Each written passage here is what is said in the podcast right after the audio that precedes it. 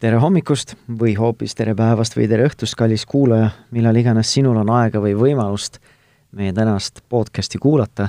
see on Pere ja Kodu podcast, mina olen Tanel Jeppinen ja täna on meil teemaks ma, ma ütleks selline integreer-, integreeriv teema, sest äh, äh, kui, kui sa oled selle teemaga kokku puutunud, siis see kindlasti sind külmaks ei jäta. Ja see on nimelt siis probleemne laps lasteaiarühmas, olgu see siis kellegi teise laps, see sinu enda laps Äh, või siis tuttavate laps, et kuidas siis neid olukordasid lahendada.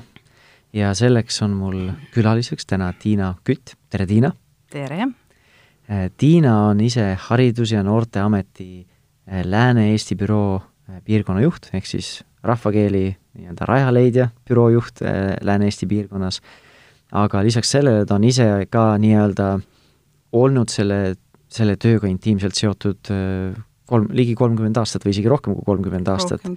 et Tiina on töötanud nii psühholoogina, kooli- ja lastepsühholoogina, ehk siis ta on näinud, mida need äh, väljakutsed või kuidas need väljakutsed välja näevad ja on siis nii-öelda kogemust. lisaks sellele ka vanemana ja ka vanavanemana nüüd, kus su enda laps, vana, laps, lapselapsed on siis lasteaiaealised. Nii et äh, on kogemust nii isiklikku kui professionaalselt ja vaatame, kuhu me selle teemaarendusega siis jõuame aga alustame kohe siis sealt, et see on selline, see on emotsionaalselt laetud olukord, kui rühmas on keegi laps, kes on siis probleemne, olgu ta siis, tal on käitumisraskused ja võib-olla isegi on agressiivne eh, teiste laste suunas.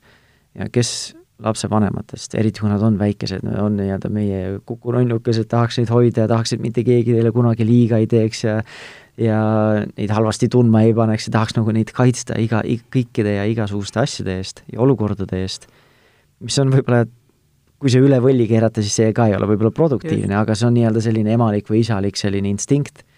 ja nüüd, kui seal rühmas on, kus mu laps peab veetma päevad, võib-olla siis viis päeva nädalas, see tekitab palju emotsioone ja frustratsiooni ja ebaõiglust ja tahaks siis hullult kaitsma hakata ja võib-olla süüdistama ka hakata, kui ei kontrolli ennast. Et see on see, kuidas mina nüüd sellesse teemapüstitusse suhtun, kuidas sina professionaalina sellesse teemapüstitusse suhtud?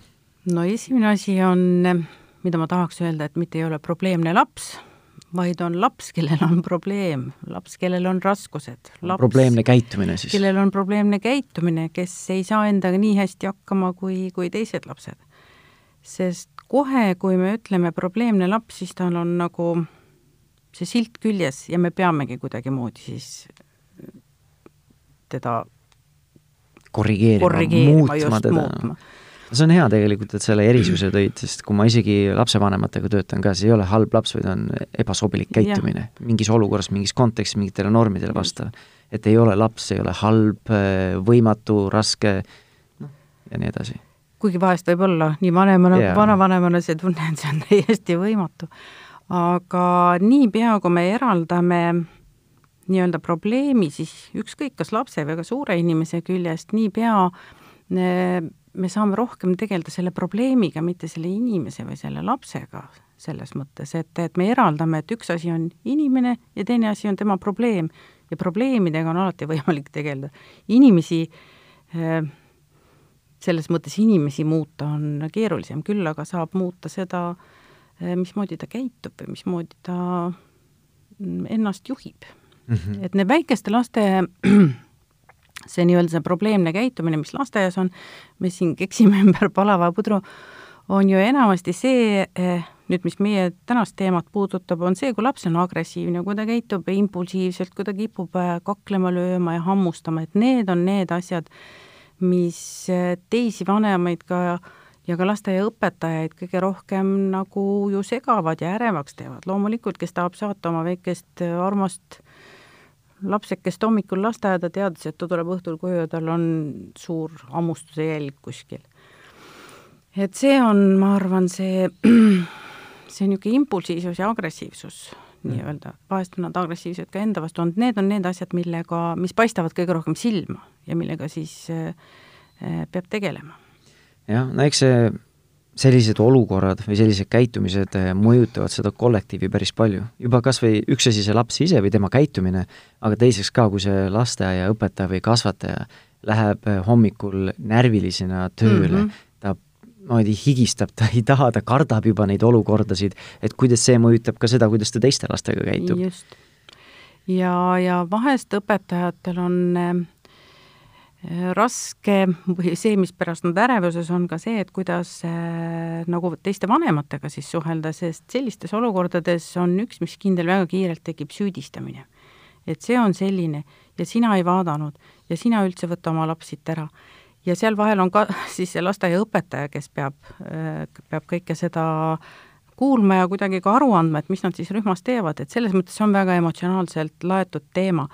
Küll aga ma tahan meenutada seda, et see ei ole emotsionaalselt laetud teema mitte ainult teiste laste vanematele, vaid ka selle halvasti käituva lapse vanemale.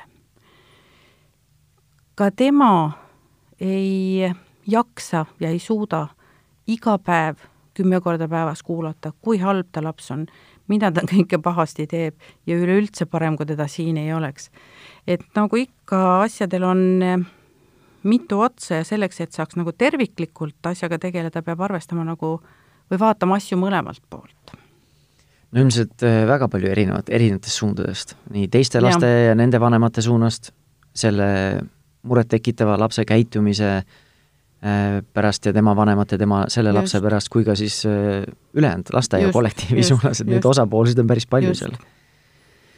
et äh, tundub, et mida rohkem osapooli, seda keerulisemad võib-olla lahendused, vähemalt teoorias tundub niimoodi, et kuidas, kuidas nende olukordade lahendamine üldse siis nagu toimub, on see selline lihtne teema üldse, mida lahendada, et sa, olen muidugi käitumist ka, aga nagu nädalaga neid asju võib-olla nagu ei muuda, et seal on see ei ole lihtne teema, kui see oleks lihtne teema, siis ma arvan, oleks juba Nobel antud. ja me täna ei räägiks võib-olla sellest teemast. et, et küll, aga on küll asju, mida me saame kõik koos teha ja esimene asi on, on see, et märgata ja ka tunnistada, et meil selline raskus rühmas on.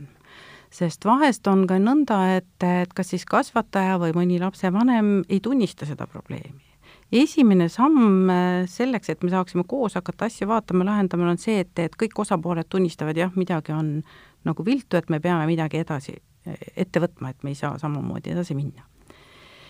nüüd sellega, mm, kui sinu lapsel on see mure, sinu lapsel on see käitumisprobleem, et ta kipub olema kas agressiivne või, või impulsiivne siis eh, seda on ühel vanemal väga raske vastu võtta ja tunnistada, mis tähendab seda, et me peame ümber seis-, ümber seisvate inimestena, eelkõige siis lasteaiaõpetajatena, seda muret ka niimoodi lapsevanemale eh, siis tagasisidestama või niimoodi talle sellest teada andma, et sellest on, seda on võimalik vastu võtta. jah, et see lapsevanem ei tõmba ise Just. kaitsesse või lukku ja Just. ei ole nii hea koostööpartner selles olukorras.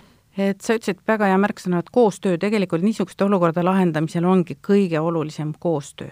ka nende nii ainult lapse ja lapsevanema ja õpetaja kui ka selle laiema rühma, et see koostöö ja koostöö aluseks on see, et me teemegi koostööd, mitte ei süüdista. kui sulle teatatakse igal õhtul, kui sa lähed lapsele lasteaeda järgi, et ta lõi täna seda, seda ja üleüldse ta on niisugune, siis see ongi esimene asi, on kaitse ja parim kaitse tavaliselt on ka rünnak, et sealt võib tulla hoopis äh, vastupidi. et äh, siin ma näen küll lasteaiapoolset äh, ja lasteaiaõpetajate ja lasteaia tugispetsialistide poolset väga suurt osa, et kuidas asju vanematele rääkida. Ja ka rääkida teistele vanematele, et meil ongi selline väike äh, poiss ja tüdruk, kellel on selline mm, mure, et tema käitumine on selline ja selline, aga me tegeleme sellega mm. -hmm. kui sa alguses natuke rääkisid ka sellest, et igal, noh nagu vihjasid, et igal käitumisel on mingi põhjus, et see kui, mis võiksid olla või mis on sellised levinumad juurpõhjused, sest äh, kui ma vaatan, see on nagu väga suur vahe juba, kas ta on nagu kohe-kohe kooli minemas kuue-seitsmeaastane laps või ta on kolmeaastane laps, sest lapse arenguliselt juba mm -hmm. ta mhm. nagu, üks on palju võimekam ennast reguleerima kui teine, see noorem on ju kolmeaastane. et mingil määral nagu kolmeaastased ongi impulsiivsed, et ma ei saa ju neilt oodata on. sellist äh, mööda joont käimist nad võtavad seda kiiresti omaks, mõni laps võtab kergemini, mõni raskemini. et mis need sellised juurpõhjused on? ma ei tea, kas juurpõhjused, aga üks äh, asi küll, mis väga mõjutab käitumist ja eneseregulatsiooni, on kõne. et kui hästi, kui hea on lapse kõne, kas lapse kõne on eakohaselt arenenud või on jäänud seal kuskil midagi pidama, sest kõne on kommunikatsioon ja kommunikatsiooni kaudu me suhtleme teistega, see on eneseväljendus. väljendada enda soovi, tahtmisi ja ka vajadusi. kui ma tahan sõbraga minna mängima, siis kui ma oskan rääkida, ma ütlen talle tule. kui ma ei oska rääkida, ma tahan ikka temaga mängima minna, aga siis ma sikutan. ja seda sikutamist on võimalik sõbra poolt tõlgendada jälle vastupidi, et ta tiris mind, ta lükkas mind. ja nii edasi, nii et kõne on üks väga oluline osa kommunikatsioonis ja suhtlemises ja, ja see on äh, vahest ka eneseregulatsioonis ja käitumises niisugune eh, põhjus, miks lapsed nõnda käituvad. et lapsel ei ole võimekust ennast sõnadega väljendada? Isegi mitte ainult impulsi kontrolli koha pealt, aga tal ei ole seda verbaalset just, eh, just. tööriista nii-öelda? just. teine asi on eh, see, et, et nagu sa juba ütlesid, et ütlesid, et ähm, kolmeaastaselt lapselt ei saagi oodata seda, mida kuueaastaselt lapselt lapse aju areneb nii-öelda tagantpoolt ettepoole. et äh, enesekontroll ja enesejuhtimine on siin eespool. Mis tähendab seda, et mida noorem ta on, seda rohkem ta ennast, ta vajab enesekontrollile abi. mis tähendab ka seda, et nii vanematena kui äh, nii vanemad kui lasteaiaõpetajad kui teised täiskasvanud peavad aitama sellisel lapsel ennast kontrollida. anna talle sõnu, kui sa näed, et ta on äh, segaduses, et ta ei saa hakkama, siis ütle talle, et, et ma näen, et sa oled praegu segaduses, kas sa tahad seda, aidake tal sõnastada. See on, see on esimene asi, mis tegelikult sellistes olukordades aitab mm. -hmm. mulle meeldib üks selline ütlus, et ongi, et väikestel lastel, et siis lapsevanem või siis selles kontekstis ka õpetaja või kasvataja, see täiskasvanud inimene peaks funktsioneerima selle otsmiku sagarana, kes aitab just, reguleerida just. emotsioone, käitumist, sotsiaalset funktsioneerimist ja nii edasi, et suunab, aitab esialgu on see väljaspool lihtsalt kasvatajal ja siis järjest rohkem tuleb inimese enda sisse. et läbi selle kogemuse siis laps õpib iseenda Just. seda aju, seda osa ka natukene paremini Just. kasutama. aga oodata, et isegi kuueaastane suudaks seda ideaalselt teha, on väga no. ebaküps ootus, sest nii mõnigi täiskasvanu ei suuda Just. seda teha no.. kui me vaatame ka kuueteistaastaseid, siis sealgi on äh, väga keerulisi ja vahest ka kuuekümnestel on keeruline ennast ohjes hoida. aga mis puudutab veel neid põhjuseid, siis ähm, väga palju meil räägitakse ja see on ka üks asi, mis vahest tuleb lasteaedadest äh, meile Rajaleidjasse signaalina, et püütakse nagu hästi palju kohe diagnoosida või nii-öelda mingi häiresilt külge panna, et ta käitub nii, ahaa, ta on autism, ahaa, ta on Asperger, ahaa, ta on ATH. tegelikult lasteaiaealisel lapsel mm, Äh, psühhiaatrid esiteks ei tahagi alla viieseid eriti üldse võtta diagnoosimisele, sest et ei ole veel lapsi allmaal ja ravi nagunii ei ole. Teine asi on see, et iga käitumisraskus ei ole häire. ja kolmas asi on see, et ka siis, kui lapsel on mingi diagnoos, see on ikka seesama laps selles samas keskkonnas nende samade inimestega iga päev. ja ravimit ei, ei ole, diagnoosi ei lahenda, just. et me peame õppima Äh, nendega koos käituma mm, -hmm. olema. Võib-olla tahakski praegu esimeses otsas keskenduda sellele nendele täiskasvanu mõjule, sest äh, nii lapsevanem kui ka siis see õpetaja või kasvataja, et see täiskasvanud peaks olema lapsele toeks ja abiks. Äh, et suunata ja aidata siis paremini hakkama uh -huh. saada et kui ma ootan lapselt midagi, milleks ta ei ole võimeline ja ma ei anna talle oskusi ja võimekust uh -huh. neid oskusi selles olukorras paremini hakkama saada, et siis see tekitab juba väga palju frustratsiooni. kui ma oleksin ise kuskile tööl ja öeldakse, näed, sa pead selle asja ära tegema täna õhtuks ja iga päev pead sinna sellise uh -huh. tulemuse saavutama, aga mul ei ole nagu oskusigi, ma ei oska isegi arvutit või seda programmi kasutada. ja korraldus antakse hiina keeles võib-olla veel hullem, siis nagu ongi ju mm -hmm. iseendalgi juba viskab ka katuse pealt ära, siis sa nõuad mult midagi, mida ma ma ei oska teha, ma ei suuda, ma ei saa aru. et siis äh, see on nagu tegelikult, kui niimoodi mõeldes nagu arusaadav, et see laps ise on ka segaduses, ta ei Muidugi. oskagi ja ta ei oska ennast väljendada, ta ei oska väljendada ka seda, et ta tegelikult ei oska seda teha ja lihtsalt käitubki kogu aeg soovimatult ja järjest rohkem see täiskasvanud hakkab nagu vormima ja suruma seda last mingit käitumist demonstreerima, mis tekitab veel rohkem trotsi. et äh, kuidas siis ma, ma ei oota, et sul oleks mingid lõpp, põhjapanevad vastused, aga mida me saaksime siis teha, et toetada neid täiskasvanuid, et nemad saaksid olla sellised küpsed abilised äh, ja toetajad sellele lapsele. üks asi kodus, teine asi siis kollektiivis. sest see kollektiivis õpetajana on ka väga raske olla, sa pead kahtekümmet õpilast või äh, last nii-öelda toetama ja kui sul on veel seal rohkem kui üks, kes siis demonstreerib on. sel päeval seda keerulist käitumist ja sul on endal ei ole ka võib-olla tegelikult äh, emotsionaalselt või vaimselt seda tugigruppi, et ise mitte läbi põleda selles kontekstis, siis noh, ongi juba selles mõttes, et kõik osapooled on nii-öelda pandud olukorda, kus on väga raske õnnestuda? no esimene asi, ma mõtlen küll, on see, et, et iseendale eh, võib tunnistada, et jah, ma siin jään jänni ja ma vajan abi.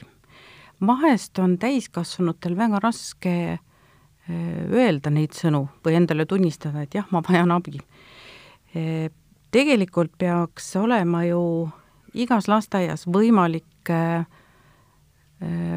nii-öelda kasutada või saada ka tugisüsteemi teenuseid. see on erinevates kohalikes omavalitsustes on see väga erinev, on neid kohti, kus on otse lasteaias mitte ainult logopeed, vaid käib ka psühholoog, käib ka mm, sotsiaalpedagoog, on neid kohti, kus on nii-öelda hariduse tugiteenuste keskused, kust käivadki mm, regulaarselt kindlatel aegadel tugispetsialistid, et nendega nõu pidada, ma arvan, et oleks lasteaiaõpetajal esimene asi väga hea alati eh, saab nõu pidada ka lasteaiajuhiga ja peaks saama rääkida ka sellest, et kui meil on ikkagi kakskümmend last rühmas ja sealt eh, kaks on need, kes vajavad erilist tähelepanu, siis ei saa seal olla korraga ainult üks või kaks täiskasvanu rühmas.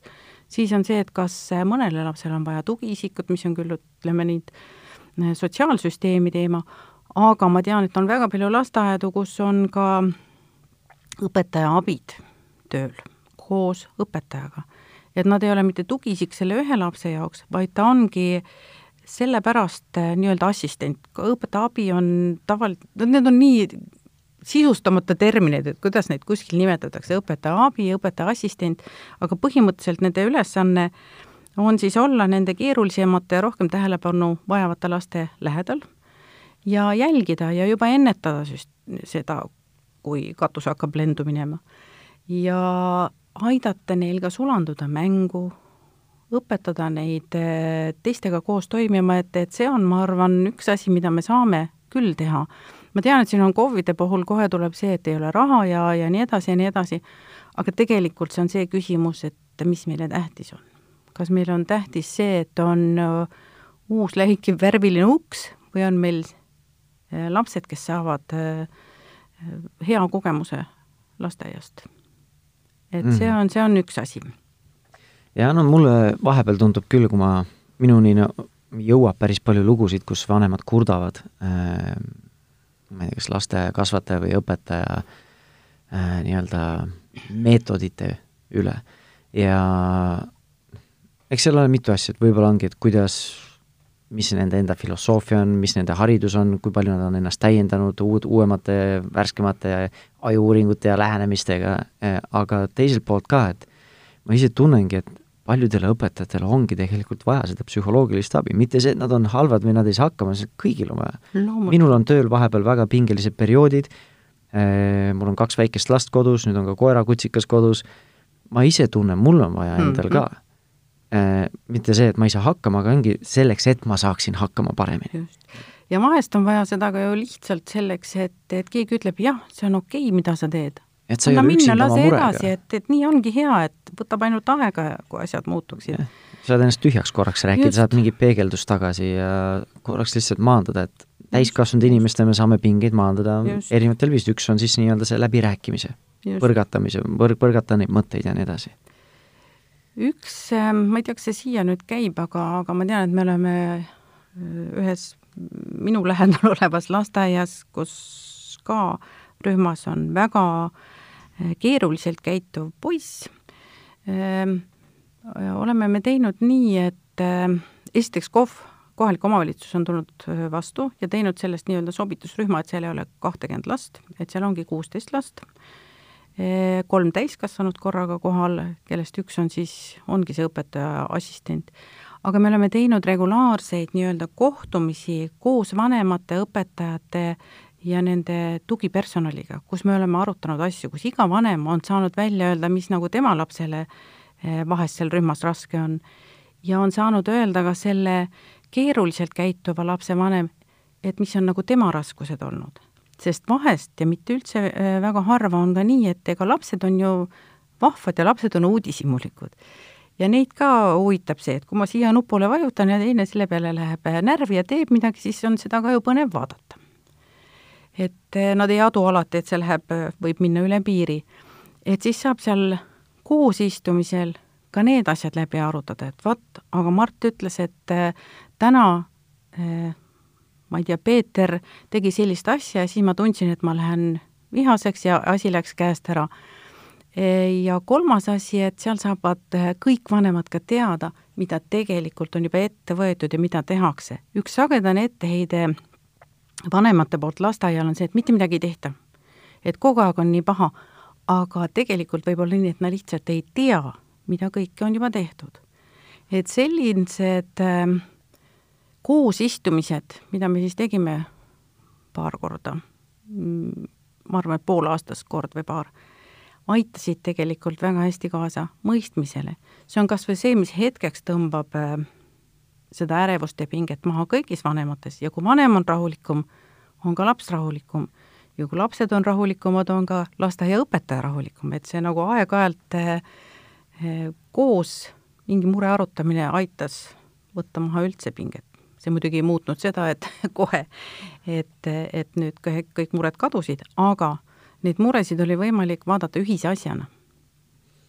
vot sellised äh, nagu kokkusaamised, me, meie lapsed käivad näiteks eralastehoius ja seal me sagedasti teeme ka lapsevanemate selliseid nagu õhtuid, kus me lihtsalt saamegi õpetajatega koos neid asju arutada, üldse nagu asjadest Just. rääkida ja muutustest, mis edasi on tulemas ja mm -hmm. nii edasi ja siis, mis mina näen, et sellises olukorras see võib aidata just ongi see, et ma näen selle teise lapse vanemaid ka inimestena. et tuleb seda süüdistamist just. vähemaks ja läbi selle siis võib-olla ka mitte verbaalset sellist mõjutust enda lapse just, suunas, sellesse just. teisesse lapsesse, nende vanematesse, lasteaia personali ja nii edasi. et see ei lahenda võib-olla võluväel kõiki neid asju ära, aga see kindlasti toetab ja aitab lahendusele leidmisest. just, sest kui kaob ära see ikka see hästi tugev süüdistuse moment, siis on võimalik mm, koostöös asju teha. niipea, kui on see süüdistamine seal sees, siis keegi tunneb, et teda rünnatakse, ta läheb plokki ja meil ei ole sellist nagu ühist koostööd mm.. no räägime nüüd siis rohkem spetsiifilisemalt nendest olukordadest ja lahendustest, aga enne seda tegelikult mul oleks üks küsimus ka, et kui levinud tegelikult see, need situatsioonid on? et äh, et on mingi probleemse käitumisega või raske käitumisega laps äh, rühmas, on see nii, et on igas teises rühmas, igas kolmandas või igas rühmas või, või kui sagedased need äh, tegelikult need olukorrad on? ma ei oska sulle öelda statistikat, aga äh, ja see on natuke ka niisugune tõlgendamise küsimus, et kui, ma arvan, et kui küsida lastevanemate käest, siis võib leida, et igas rühmas on. Kui keeruline see probleem on, see on nagu natuke teine asi, sest et seda, et lapsed omavahel riidu lähevad ja, ja veel seal alla kolmesed üksteisele hambad sisse löövad, seda juhtub äh, ka ilma selleta, et oleks äh, mingi erilisem käitumise mure. aga ma arvan, et neid on üsna paljudes rühmades, igas lasteaias kindlasti, ma arvan, et igas teises rühmas võib öelda, igas teises küll, ma usun. aga mm, ühest küljest on see keerulisem, aga teisest küljest on see ju ka hea, sest kui me tänapäeval räägimegi, ma tean, et see on niisugune põlatud või, või trikiga sõnaühend kaasavast haridusest, siis see kaasav haridus algabki juba lasteaias, sellesamaga, et meil on erinevad lapsed rühmas, et ei ole nii, et ainult ühesugused valgete juuste ja patsidega täpselt ühepikkused istuvad rivis, et nad ongi erinevad ja see on okei okay,, sest sealt nad lähevad ka kooli nii. ja need, kellel on vahest keerulisem, keda enne, enneaegsetel aegadel võib-olla ei viidudki lasteaeda, võib-olla pandi kohe erirühmadesse, et nad käivad rohkem tavalises, tavalistes rühmades ja tavalises lasteaias. ja ma arvan, et kuigi see on keeruline, on see omamoodi ikkagi hea, sest ühiskonnas me peame ju ikka kõik koos elama. no ühiskonnas on enamasti jälle see, et kui ma olen juba täiskasvanuks saanud, siis mul on natukene rohkem oskusi nende toime, toime tulla, toime tulla nende asjadega. eriti kui ma vaatan väikest last, siis väikesed lapsed sagedasti noh, neil on piiratud võimekus ikkagi iseenda eest seista ja enda mhm. vajaduste eest seista.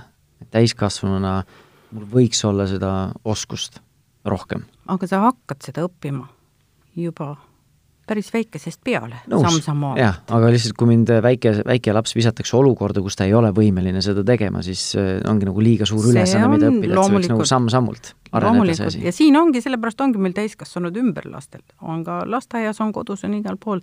täiskasvanute asi ongi ju tegelikult lapsi õpetada ja mitte nii palju sõnadega, kui ka oma tegude ja oma käitumisega mm.. sõnad nagunii ka, aga ma arvan, et see on nagu selline võtme, võtmeasi nii lapsevanemale kui ka siis õpetajale Just. ja kasvatajale. et kui see lapsevanem ise ei suuda ennast reguleerida, siis no kuidas ma saan oodata, et see laps pettumuse korral nii-öelda jutumärkides õhku ei lenda. Äh, ja samamoodi ka äh, lasteaia kontekstis, et kui see lasteaia õpetaja, kasvataja ei suuda ennast reguleerida, kas siis verbaalselt äh, manipuleerib või siis võib-olla füüsiliselt karistab või alandab last, siis nagu kuidas ma saan oodata, et see laps midagi teistmoodi teeb teiste laste suunas? absoluutselt on viimasel ajal, aastatel on ju palju räägitud nendest eh, peegelneuronitest, mis eh, meie vastastikuses suhtlemises väga suurt osa mängivad. Ja kui ma tahan täiskasvanuna äh, rahustada last, siis ma pean olema ise rahulik, see on esimene asi. et sa ei saa ise minna. Mm. Et see ei tööta, kui ma ise käratan, rahune maha, mis sul viga on? või käratad kõvale, olge vakka et see on ehmatus, aga mitte, mitte, mitte see tulemus, mida jaa. aga kuidas siis neid olukordasid lahendada, et kui on äh, lasteaiarühmas äh,, võtame siis alguses, ma ei tea, kui palju need lahendused üldse äh, erinevad on, aga et alustame siis sellest, et kui mina tunnen, et minu laps on pigem see kannataja pool, et keegi teine seal rühmas on, kes siis käitub võib-olla agressiivselt või füüsiliselt teiste lastega uh. -huh. Kust otsast neid asju arutama hakata? esimene asi on kindlasti rääkida rühmaõpetajatega, sest nemad on enamasti seitse päeva nädal, seitse, viis päeva nädalas seal ja näevad, mismoodi asjad toimuvad. ja nendega arutades saab ka selgemaks, et mis olukord on üks väga plahvatusohtlik äh, asi on see, kui lapsevanem hakkab otse teise lapsevanemaga rääkima ja tavaliselt läheb see ka niimoodi, et kuule, su laps lõi mu last ja siis läheb, äh, võib minna jälle vaidluseks ja tüliks. et oma rühmaõpetaja on tegelikult äh, esimene kõige suurem tugi mm, lapsevanemale. kui sellest aga mis, mis puhkudel sa soovitad sellest rääkida, sest mõnikord on see, et nagu mm, ma ei tea, väikesed lapsed, ma ei taha öelda, nad ei valeta, aga lihtsalt nagu mõnikord nad nagu teevad neid olukordasid mahlasemaks võib-olla, kui tegelikult oli. ja teinekord võib vastupidi ka just. olla, tegelikult nad ei tahagi rääkida sellest, on ju. just, et vaat siin on jälle see, et mitte ainult rääkida õpetajaga, vaid kuidas rääkida ja kuidas küsida. me peame kogu aeg silmas pidama seda, et kui me tahame teha koostööd, siis sealt ei saa minna peale lennata ja hakata süüdistama, ka õpetajaga saab äh, rääkida olukordadest ju nii, et kui minu Madis ütles kodus, et teil oli selline asi, et kas oli nii või et mis toimus, et ma ei saa nagu päris hästi aru. et ka seda saab ju küsida. ja, ja ikka, nüüd ma läksin no, mõte läks mul rändama. ma mõistan, et selles mõttes, et väga oluline ongi see, et me täiskasvanutena käituksime täiskasvanulikult äh,. aga samas noh, on ka olukordasid, on näiteks, kui see õpetaja ise on osaline olnud ja kellele meeldiks enda süüd tunnistada, võib-olla kui veel sealt tulevad mingid tagajärjed ka, ikka tahaks nagu, nagu vaiba alla lükata seda probleemi, et tegelikult ei olnud, tegelikult ta oli hoopis teistsugune asi ja, ja nii edasi mm. -hmm. et see on nagu keerulised olukorrad. kui täiskasvanud on juba, juba mingit viisi pidi ka seotud, mida ka juhtub, siis ma arvan, et on igas lasteaias on olemas ju lasteaia juhataja, on olemas tugispetsialistid ja on olemas hoolekogu mina tean, et väga paljudes lasteaedades on hoolekogu hästi eh, aktiivne ja seal arutatakse ka asju, sealt saab nõu küsida. see on siis, kui lasteaia, mõni lasteaiapoolne täiskasvanu võib olla segatud mingisugusesse konflikti. ja siis hakkab, siis saab hakata sealtpoolt arutada ja lõppude lõpuks on ka igal pool kohalik omavalitsus, kes on nii-öelda lasteaia omanik ja lasteaia pidaja ja ka seal saab rääkida. Et, et midagi toimub, ma ei tea päris täpselt, et kuidas, kuidas sellega tegeleda. me Lähme natukene teemast kõrvale, aga kui palju sellest rääkimist nagu tolku on? et äh, kui palju neid olukordasid tegelikult ära lahendatakse, kui õpetajal on endal mingid sobimatud käitumismustrid, kuidas lastevahelisi olukordasid lahendada või siis lapse mingeid muresid lahendada. et seal võib olla jälle selline kamp, et ongi, et noh, see on meie kollektiiv, me kaitseme oma kollektiivi, võtame mingi ühise seisukoha ja nii edasi. see võib olla nii, aga mul on ka väga palju ka neid positiivseid kogemusi, kus on olnud muudatusi ja ma ei usu hästi, et tänapäeval seda hirmsat äh, ringkaitset nüüd nii, nii palju oleks, sest kõik tahavad, et nende lasteaedade vanemad ja lapsed oleksid rahul.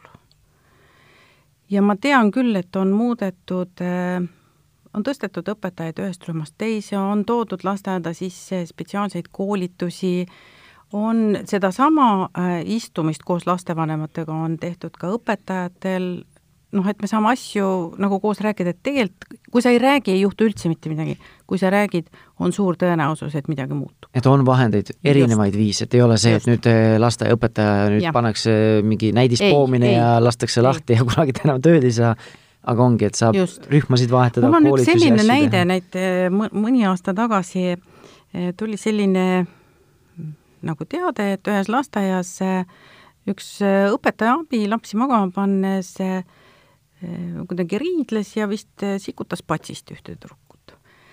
ja, ja see siis lapsevanem siis rääkis, mina olin sel ajal siis selle lasteaia tugispetsialist ja me rääkisime ka selle õpetajaga ja ta ise ei adunudki, et oleks midagi sellist ta oli ise ka väga ehmunud. mis tähendab seda, et see, kui me sellest rääkisime selle õpetaja abiga, siis ta hakkas ennast kontrollima ja seda enam ei, ei, ei tulnud niimoodi ette. mis ütleb ikka, et, et kui, kui sa näitad millegi peale valgust, siis on suur lootus, et see pime kaob sealt ära mm. -hmm. ja no nii-öelda inimeseks jäädes tuleb ju mõista, et ka kõik õpetajad ja kasvatajad on inimesed. loomulikult. kui mina vaatan ennast täiskasvanuna, siis minul on enda lapsepõlvest kaasa tulnud teatud pagas, mis teeb mind tundlikuks mingite teemade suhtes, mis on minu nii-öelda need tundlikud nupud või asjad, millele aeg-ajalt lapsed enamasti tahtmatult vajutavad. Ja mis vahest ka tahtlikult, sest on ju tore vaadata. Et, et ja need, ja nendes olukordades, mis on minu sellised tundlikud äh, alad või olukorrad, siis ma ise pean ennast nagu oluliselt teadlikumalt reguleerima just, ja kontrollima. ja võiks nagu arvata, et kui mina olen selline, siis on ka lasteaiaõpetajatele, kasvatajatele enda tundlikud kohad. et nii mõnigi kord võib-olla tõesti, kui sa rääkisid, et sellest võib täiesti abi olla, et kui äh, lapse, lasteaiaõpetaja võtta mingist olukorrast välja ja panna ta teise rühma, kus võib-olla seda konkreetset nii-öelda nupuvajutust mm -hmm. ei mhm. ole ja ta saab väga hästi oma ülesannetega hakkama. ma olen oma töö, töö jooksul, kui ma veel lasteaedades olin psühholoog, siis ma käisin suure osa oma tööst ma käisin, lihtsalt olin rühmas nii-öelda, ei, ei vaadanud ei konkreetsete õpetajate ega last ega midagi, vaid lihtsalt olin seal ja jälgisin ja sealt tuli välja ala lõpmata mingisuguseid niisuguseid mustreid, et õpetaja ütles nii, mille peale laps tegi nii, siis ütles õpetaja nii, aga nad on selles nii sees, et nad seda ise enam ei taju. Ja kui me hiljem siis arutasime, et mida ma nägin, siis, siis õpetajatele õudselt meeldis see. et ma sain nagu ahaa, ennast kõrvalt vaadata, selles ei ole, ma ütlen veel kord, ei mingit süüdistamist ega kontrollimist ega sellist asja, vaid see on see, et, et ma lihtsalt vaatan ja jälgin, ütlen, kuule, kui sa selle sõna ütled, siis on teada, et see rüblik läheb selle peale selliseks ja siis sina teed niimoodi, et kas me saame seda kuidagi muuta. -hmm. et selline tegu, tegu, tegutsemine tõi just, sellise tulemuse, mis ilmselt ei olnud sinu soovitud tulemus ju. aga kuidas ja kas on üldse võimalik eh, rohkem selliseid tagasisidestamispäevasid eh, saada õpetajatel ja kasvatajatel, sest nii mõnigi kord ongi, et raske on näha puude taga metsa, siis kui sa oled kogu aeg selles keskkonnas opereerid ja funktsioneerid juba autopiloodil? muidugi on, küsima peab ainult. Kellelt küsida siis, direktorilt, direktrissilt? ma arvan, et esimene asi ongi lasteaia juhtkond, kui on olemas lasteaias tugispetsialistid, enamasti on logopeed või eripedagoog, ka nendest on, kui nad jaksavad ja jõuavad, on, on seda abi siis ma ütlen, et on kohaliku omavalitsuse need kas keskused, haridus- ja tugiteenuste või mis iganes ja ka Rajaleidja võrgustik on see, kust me saame oma psühholoogi, sotsiaalpedagoogi saata lasteaeda nii-öelda vaatlusele. see tähendabki seda, et tingimata ei pea olema mingi konkreetne mm, et sa pead vaatlema seda last või seda täiskasvanut või nagu seda üldist toimimise viisi, et see on täiesti võimalik et üld, üleüldist sellist dünaamikat ja Just. keskkonda. et ei ole see, et üks õpetaja Just. nüüd tunneb, nüüd tuli minu üle õla, vaata, nüüd ma pean Just. kõik olema et see ei ole kontroll, vastupidi, et see on, see on, see on abi, vahest on eh, keeruline mõnda rühma minna just nimelt sellepärast, et siis hakkab õpetajale tund-, võib hakata tunduma, et ma niigi olen selle Jüriga siin edasi, nüüd tuleb veel keegi ja hakkab mulle kontroll, siin kontrolli tegema, see ei ole nii. mina arvan, et sellised eh, vaatlused ja arut-, sellele tagasiside ja koos arutamine on see, see on väga hea ennetus, et ei mm. läheks asi käest ära jah, no ma olen ise spordifänn, et see on umbes sama, et mul tuleb eh, treener, ütleb, näed, kuule, sul on siin kohas on see tehnika natuke just, paremini, saaksid just. palju parema tulemuse, kui sa prooviksid sellele keskenduda nüüd järgmises treeningsessioonis, on ju. et eh, selline nii-öelda suhestumine või mentaliteet oleks palju võib-olla jah, avatum ja mm, -hmm. ja produktiivsem. nüüd tuleme selle esialgse teemapüstituse juurde siis tagasi, et eh, et lapsevanema puhul ka, et kõigepealt tuleks rääkida. Äh, rääkida, alustada võib-olla enda koolist või sellest lasteaiast äh, selle juhtkonnaga ja edaspidi, kui vaja, saab suunduda kas Rajaleidesse, kohalikku omavalitsusse, kuhu? nii Rajaleidesse kui kohalikku omavalitsusse mm. -hmm. et äh, jah, mõlemast saab. iga lapsevanem saab tulla ka Rajaleidesse küsima nõu, just nimelt sel-, ka, ka, ka sel puhul, kui tal ei ole äh, ütleme, oma lapse käitumine ei valmista muret, vaid valmistab muret mõne teise lapse käitumine, mis mõjutab siis minu lapse nii-öelda hakkamasaamist. et see on täiesti, täiesti võimalik, Rajaleidja keskused on igas äh, maakonnakeskuses, sinna peab küll ette panema, broneerima aja läbi, läbi infosüsteemi või ka online saab ise broneerida, ja me tuleme ja, ja toimetame. Mm.. ja mis siis edasi teha, kui on suheldud kui on, ma ütlen, et see oleneb jälle, kuidas, kuidas, kus on, et kui on eh, suheldud, kui on käidud vaatlemas, on antud eh, tagasisidet, seda Rajaleidja poolt küll, kui meil keegi käib lasteaias ja ma arvan, et see on ka teiste hariduse tugiteenuste spetsialistide puhul nii, et siis antakse tagasisidet rühmaõpetajale, mis, mis me seal nägime, mida me võiksime teha, ja enamasti ka lapsevanematele siis, et kõik lapsevanemad ka kutsutakse siis kokku, et me saame rääkida ja siis saab seal otsustada ka seda, kas sellele lapsele ja tema perele on vaja mingit lisaabi, kas on vaja äh, psühholoogi abi, kas on vaja perenõustamist, kas on vaja sellele õpetajale mingit äh, lisaabi veel, et sealt äh, saab kõiki neid asju välja võtta. üks asi küll, mis me peame meeles pidama, et kõik võtab aega see ei tule väga kiiresti mm.. me ei saa oodata, et täna tuli keegi rühma, vaatasime, pidasime koosoleku ja juba järgmisel esmaspäeval on kõik nagu hästi tore. alati tuleb tagasilangusi, alati ei lähe asjad nii kiiresti, kui me tahame. mis selline realistlik, ma ei tea, ajatelg või ajajoon on, et või selline enam-vähem realistlik ootus? sest äh, muidu on see, et nagu ootan, ongi, et okei okay,, järgmiseks esmaspäevaks ei saa, aga ma tahaks ülejärgmiseks nädalaks, aga kui öeldakse pool aastat, noh, siis vähemalt üks asi, ma saan iseenda ootusi korrigeerida, aga teine asi, siis ma saan vaadata ka, kas mul on vaja ise midagi tegutseda vahepeal. no ma arvan, et esimesed võib-olla väiksed eh, muudatused, kui me oleme eh, läbi mõelnud, et, et mismoodi last toetada, võib-olla me oleme teinud käitumise tugikava, mis on ka väga toredad asjad.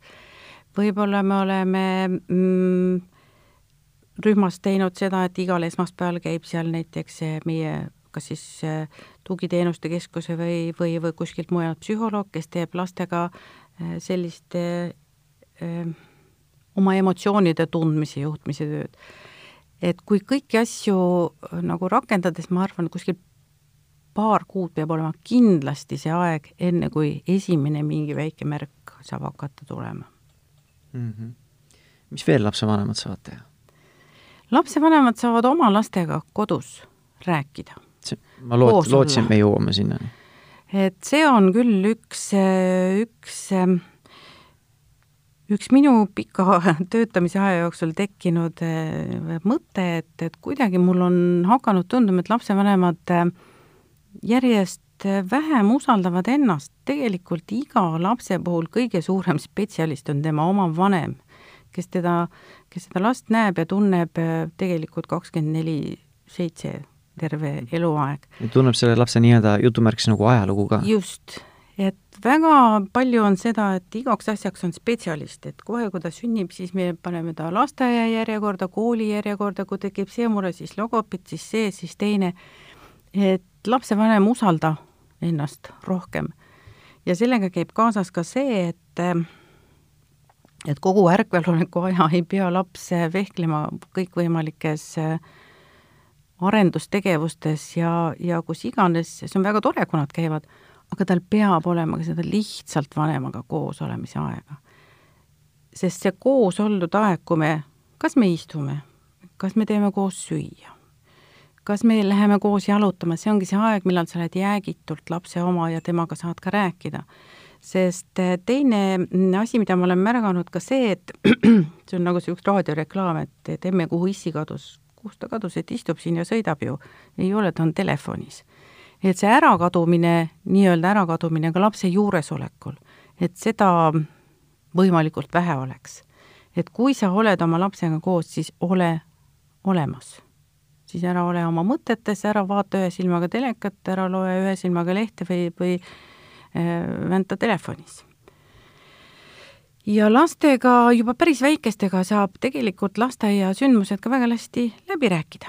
vahest nad ütlevad, et ma ei taha sellest rääkida okei okay., siis ma ütlen talle mm, -hmm, et aga kui sa tahad, siis tule ja ütle, siis ma kuulan sind. siis võib juhtuda nii, et ta tuleb mingi tunni pärast ja ütleb, nüüd ma tahan rääkida. vot siis peab olema valmis vanem katkestama kõik oma tegevused, nõudepesu, mis iganes tal parasjagu käsil on, ütleb okei okay,, istume ja siis räägi.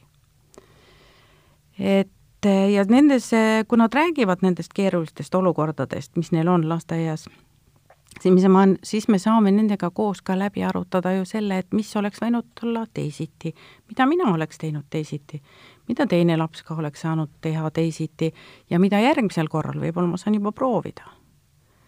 et ja lastele saab nende ühiste arutelude kaudu ka öelda seda mm, või, või oma hoiakuga anda märguse, et, et ega tegelikult Jüri ei ole paha. see, mida ta teeb, on vahest paha, ta ei saa endaga hakkama. et kuidas meie saame jälle omalt poolt aidata tal endaga hakkama saada mm. -hmm. ma arvan, et see on äh, oluline, et, äh, et üks asi, mis sa jagasid, et lastega koos aega veeta, nii-öelda täita nende seda tassi ja omavahelise suhte tassi, et nad tunnevad ennast lihtsalt nagu võimekamana neil on, nad ei ole ise nagu pinges, neil ei ole nii-öelda mingeid kroonilisi mingi vajaka või puudujäämisi ja nii edasi, et need ei lähe kuskil mujal ennast välja elama, on ju. ja, ja teine osa ongi see, et ma saan aidata enda lapsel panna neid juhtumisi konteksti uh. Mhm. -huh. et aidata tal mõista, mis seal juhtub, loomulikult ma saan seda oluliselt rohkem teha või detailsemalt või küpsemalt eh, rääkida nüüd viie-kuueaastasega, kui ma saan kolmeaastasega tegeleda, aga ka kolmeaastasele saan ma õpetada ka oskusi, et kui sa oled samas olukorras mm, -hmm. siis ära lase ennast lüüa, astu eemale mm. -hmm. või hõika õpetajat just, või kasvatajat või siis viia, noh, vanemale lapsele saab öelda ka, et mingeid väljendeid, need minu, minul ei tohi haiget teha, et laps õpib iseenda eest ka seisma. mitte see, et noh, nii on ja nii jääb ja midagi ei muutugi ja just. ma olengi selles ohvri olukorras, noh.